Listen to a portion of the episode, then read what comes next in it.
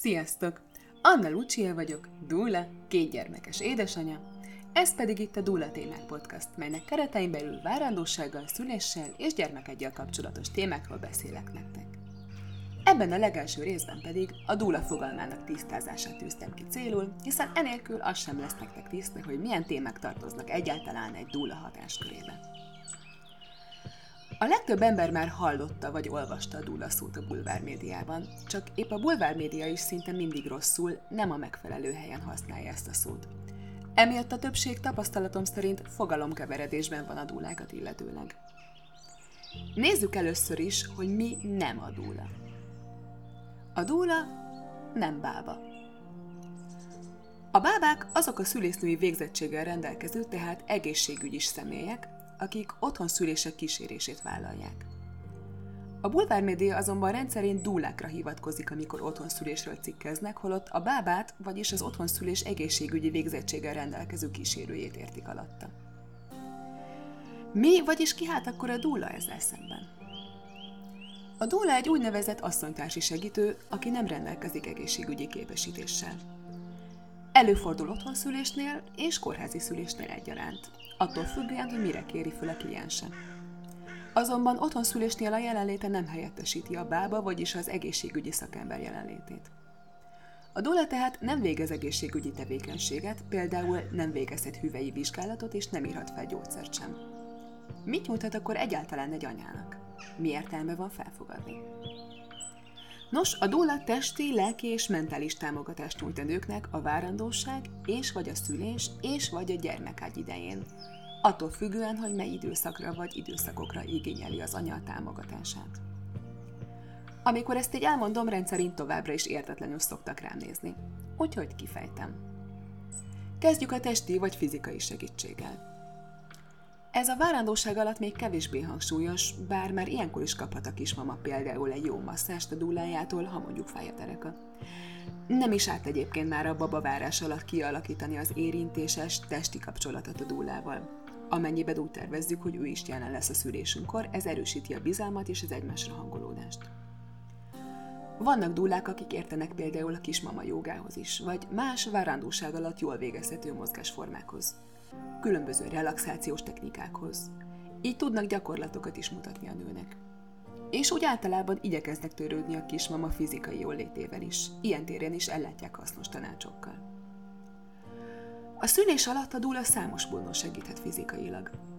Masszírozhatja a kismamát ott, ahol a fájdalmat leginkább érzi, ezzel jelentősen csökkentve a vajúdó fájdalmait.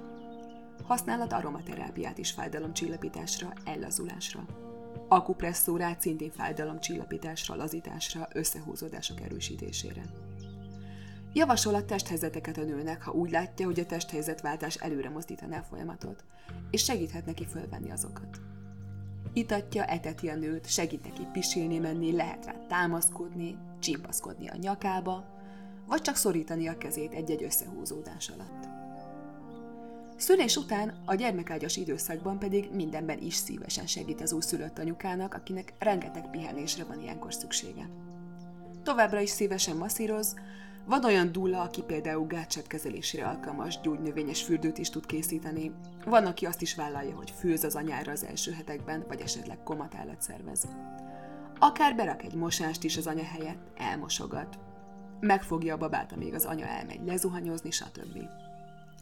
Vannak dúlák, akik egyben szoptatási vagy esetleg hordozási tanácsadók is, így ilyen téren is tudnak szakszerű segítséget nyújtani szükség esetére. Lelki segítség. Ez talán picit egyértelműbb, de azért elmondom pár szóban.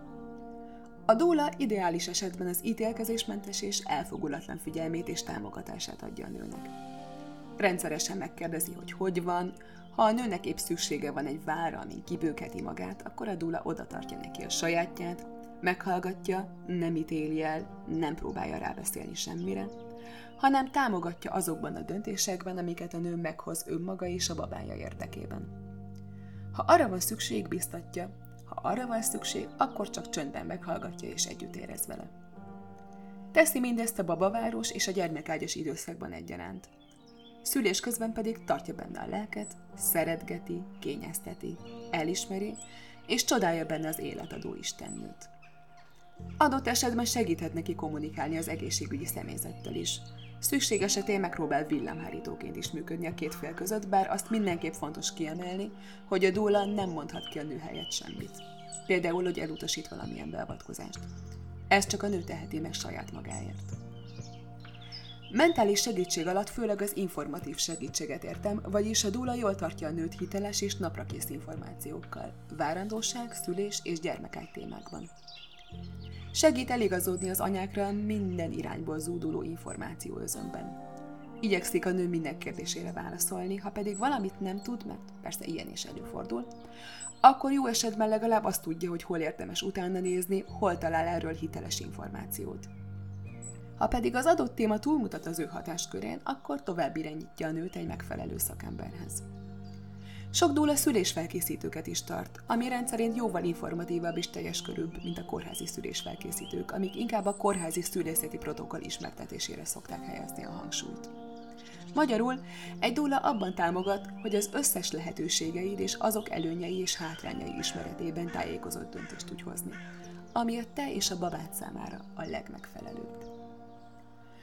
Fontos még kiemelni, hogy a dúla nem csak az anyát, de ha jelen van, akkor az apát is, sőt, akár az egész kis családot is támogatja. És az apának ugyanúgy segít felkészülni a szülésre, amennyiben ott tervez lenni a nővel, és a gyermekágyas időszak kihívásaira is. Ideális esetben van a várandóság alatt több olyan konzultáció is, amin a pár együtt van jelen. Amennyiben a szülésnél az apa és a dúla is jelen van, a dúla az apával, sőt szükség esetén akár a nagytesóval, nagytesókkal is törődik, ha mondjuk idézeten kívüli szülésről van szó, és esetleg testvérek is jelen vannak a szülésnél. Igyekszik oldani mindenkiben a feszültséget. Egy apának, aki kényelmetlenül, feszengve vagy akár félelemmel van jelen vajúdó párja mellett, kifejezetten jót szokott tenni egy dúla jelenléte, bár sajnos Magyarországon nem minden kórház engedi meg, hogy az apa és a dúla is bejöjjön egyszerre, mivel az egészségügyi törvény csak egy nagykorú kísérő beengedését teszi kötelezővé. Arról pedig számos tanulmány készült, hogy az édesanyákra milyen pozitív hatással van a dúla jelenléte és támogatása. Azok az anyák, akik dúla segítségét veszik igénybe, átlagosan könnyebben, kevesebb komplikációval és kevesebb beavatkozással szülnek, és a gyermekágyi depresszió is jóval kisebb valószínűséggel fordul elő náluk. Meglepő módon még magyar kutatás is készült erről, amit be is linkelek nektek. Ezek a dúla alapvető tevékenységei és hatáskörei, azonban a dúlák természetesen különböző és sokféle emberek. Mindegyiknek mások a különleges skilljei, és máshol húzza meg a határait, hogy mit vállal el és mit nem, mikor, hogyan, milyen mértékig elérhető, stb. Így, ha kiszemelünk egy dúlát, feltétlenül érdemes előbb elbeszélgetni vele, hogy megtudjuk, valóban tudja el majd nyújtani mindazt, amire nekünk személy szerint szükségünk van, hogy ne érje minket csalódás. Remélem, hogy ezek is összefoglaló segített neked kicsit tisztábban látni arról, hogy mi fentelem egy dúla, és mi értelme van egyáltalán a létezésének. A következő részben majd a szülés és a félelem kapcsolatát kezdem el boncolgatni. Ha hasznosnak találtad ezt a részt, oszd meg nyugodtan, vagy csak dob rá egy lájkot, hogy érezzem a törődést. Szép hetet mindenkinek, sziasztok!